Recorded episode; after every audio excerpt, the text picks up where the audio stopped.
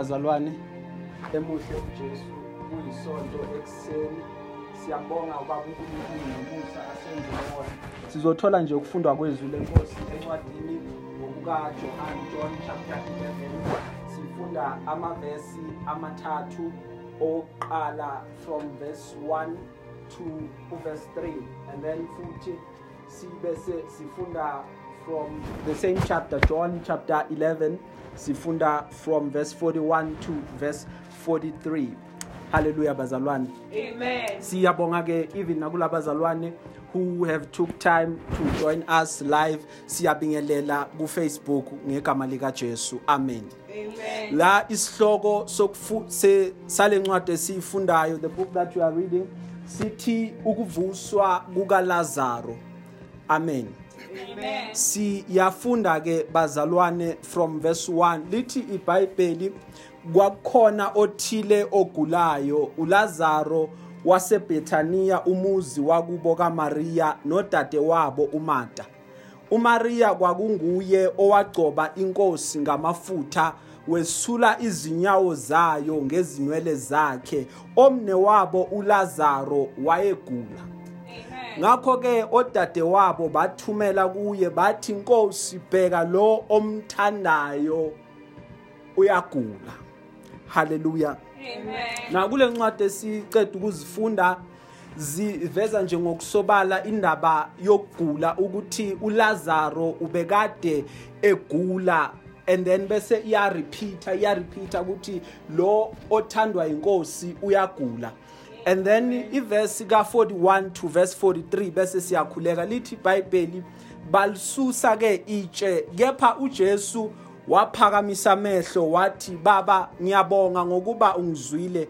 Bengazi mina ukuthi ungizwa njalo. Kodwa ngenxa yesixuku esingiphahlileyo ngishilo lokho ukuze bakholwe ukuthi nguwena ongithumileyo. Esekhulumile lokho wamemeza ngezwi elikhulu wathi Lazaro phuma.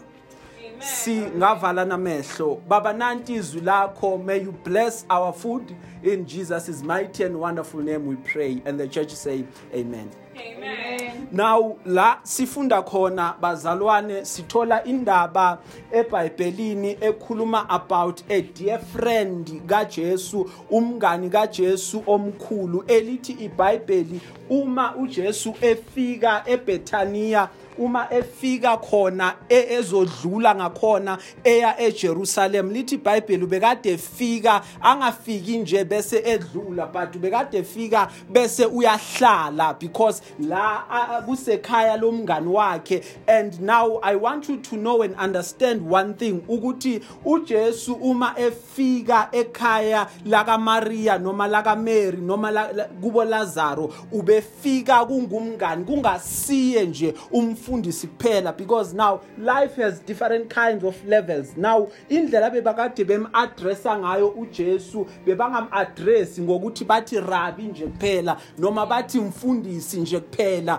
but uJesu ngendlela bebakade bam-addressa ngayo bebam-addressa ngokuthi bathi dear friend Amen. hallelujah Amen. amen bazalwane Amen. Now uJesu bekade angumngani kuleli khaya. Uma ekhona uma ekhona uJesu bazalwane efikile bebazi ukuthi uJesu ukhona and now everything will be all right.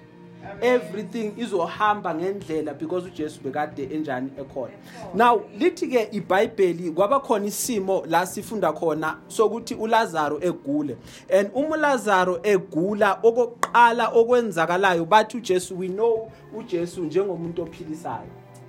Siyazi ukuthi uma uJesu ekhona then abantu bayaphila. Abamazi uJesu abanayo that revelation noma that understanding yokuthi uJesu uyakwazi ukuthi avuse nomuntu esefile bebangakabi na that revelation. So uLazaro waqala wagula umegula bathumela izwi noma igama lokuthi uLazaro uyagula. Ba expect ukuthi uJesu uzofika but uJesu akazange afike. Amen. lithi ke iBhayibheli kwaba usuku lokuqala elesibili zaze zabazine izinsuku uLazaro evalelwe kuphi ethuneni sekuthiwa uLazaro useshonile akasekho uLazaro and then uJesu ukhuluma nabafundi bakhe uthi asiyeni ngoba umfowethu uLazaro ulele Amen.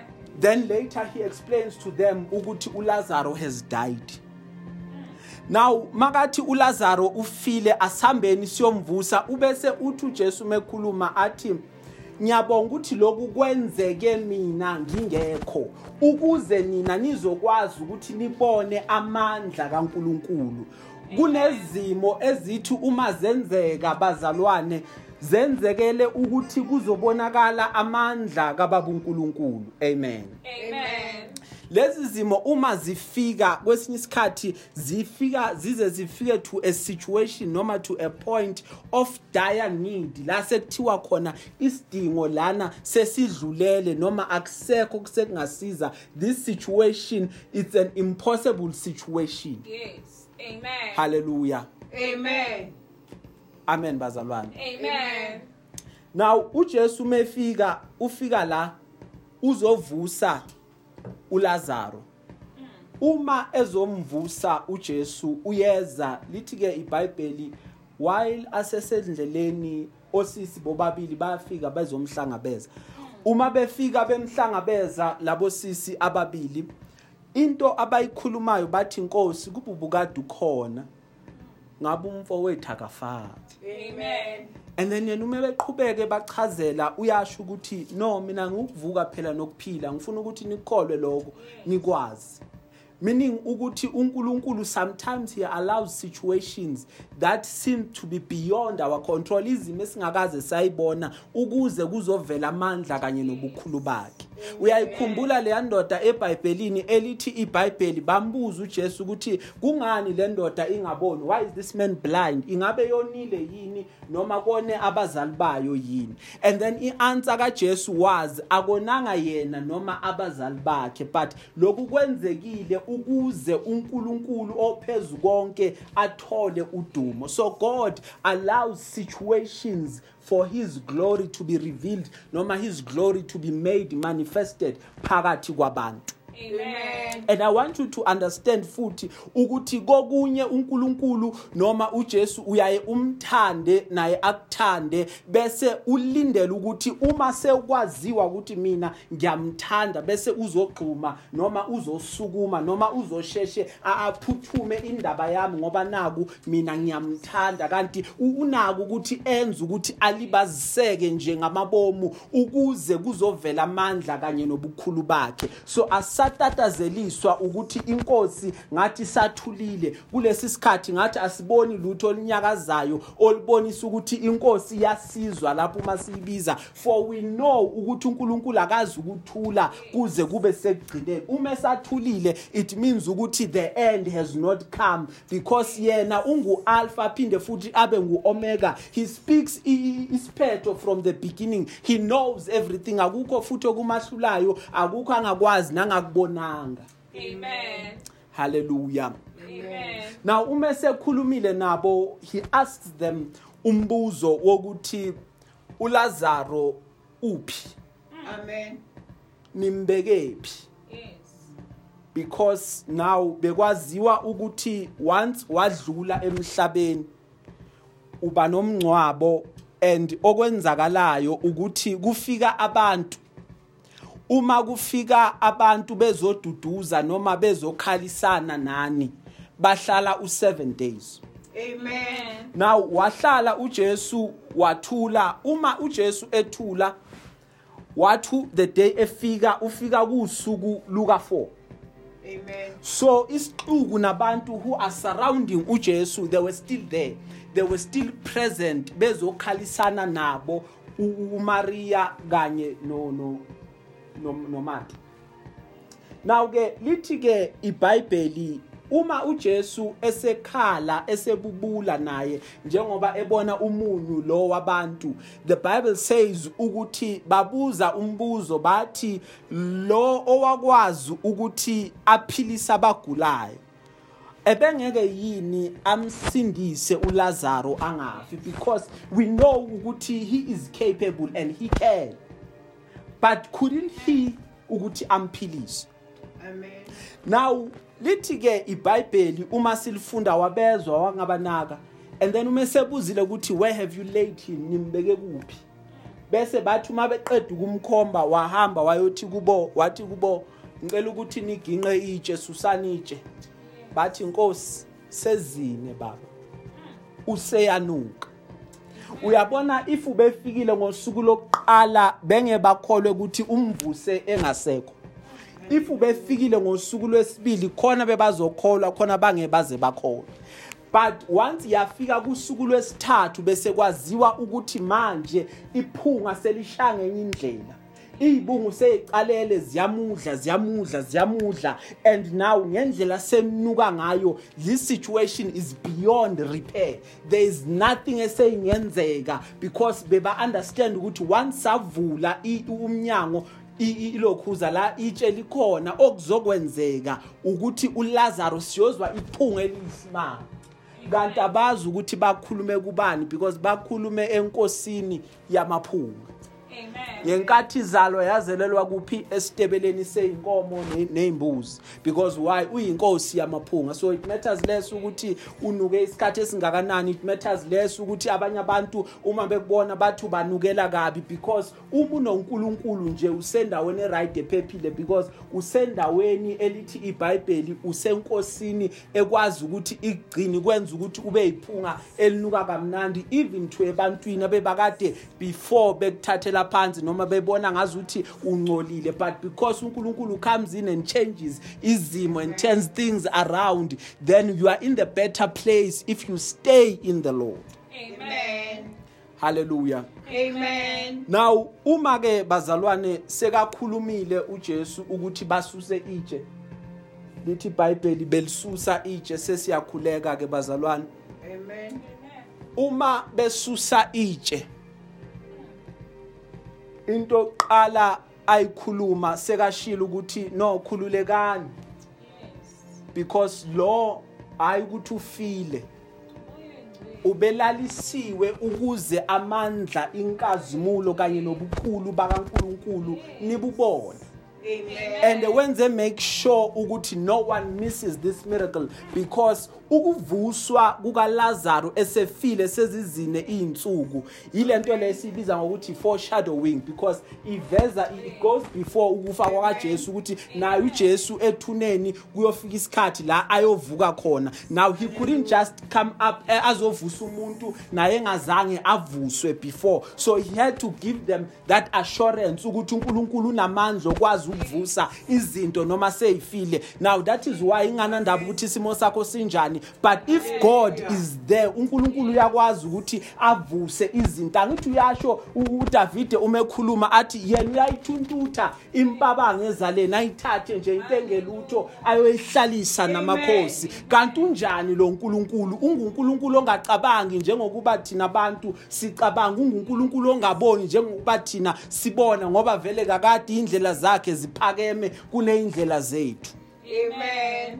Mase balisusile itshe uthi baba ngiyabonga ukuthi ungizwile Amen. ngiyazi ukuthi inkosi ungizwa njalo Hallelujah. but ngenxa yalabantu abangisurroundile Yes. I want to tell you, I want to assure you ukuthi uNkulunkulu over impilo yakho uzokwenza izinto based on ukuthi who is around wena. Amen. Because even labantu aba around wena sebabe nezinto futhi abayikhulumayo over your life. Amen. Abanye ubatshelile amaphupho akho, aba- abanye ubatshelile ukuthi ucabanga ukwenzani, bathi lento angeke izikwenzeke. A- angeke izikwenzeka inkomo ingazala umuntu angeke nje ngo- yazi ngalelo langa Hallelujah. kuyo izinkwa ivele ekhaya ezulwini siyibone iqathaka Amen. But i want to tell you ukuthi uNkulunkulu will do izinto ezizomangaza abantu abasuke bekubukile because uNkulunkulu uyayazi inhliziyo yakho uyakwazi futhi ukuyimisela kwakho uyakwazi okudingwa inhliziyo yakho Amen. uma sebelisusile itshe ube sukhuluma lamazwi uthi Lazarus come forth Amen. ngizosho kuwe namhlanje nawe sibukele lapho ku Facebook ukuthi come forth. Isikhathi sakho lesi use this time kube isikhathi la ure-evaluate khona impilo yakho. Use this time kube isikhathi la uzoqala khona kabusha. Ezinye zezinto ezingenzekanga yi- akube isikhathi la ubukela khona back to the drawing board uyoqalela kabusha. Because you now and you know now and you understand now ukuthi uJesu uma ekhona akukho kumahlulayo liyasho izwi lenkosi lithi kukhona yini okumahlulayo uNkulunkulu Amen. haleluya Amen. ngoba vele yena into ayenzayo uJesu lithi iBhayibheli uNkulunkulu wendlala itafula Amen. phambi kwezitha zakho Hallelujah. ziyadingeka ukuthi zibe khona Amen. Uma zikhona yena uyalindlala itafula Amen. haleluya Amen. Declare over your life sesiyakhuleka declare ukuthi right now phuma uzibize ngegama lakho. Uthi phuma kulama bondage ebebakade bakubambe ngawo. Phuma kuleso simo ebebacabanga ukuthi asiza ukuphinde silunge. Phuma enhluphekweni ongayazi na ukuthi yaqalwa ubani oyithole seyikhona wagcina nawe soyi-adopta ungazi nanokuthi futhi uyisaphi. Amen. phuma ey'ntweni ezikubambile phume nasekubanganini ababi uphume kulizo zonke lezo zinto.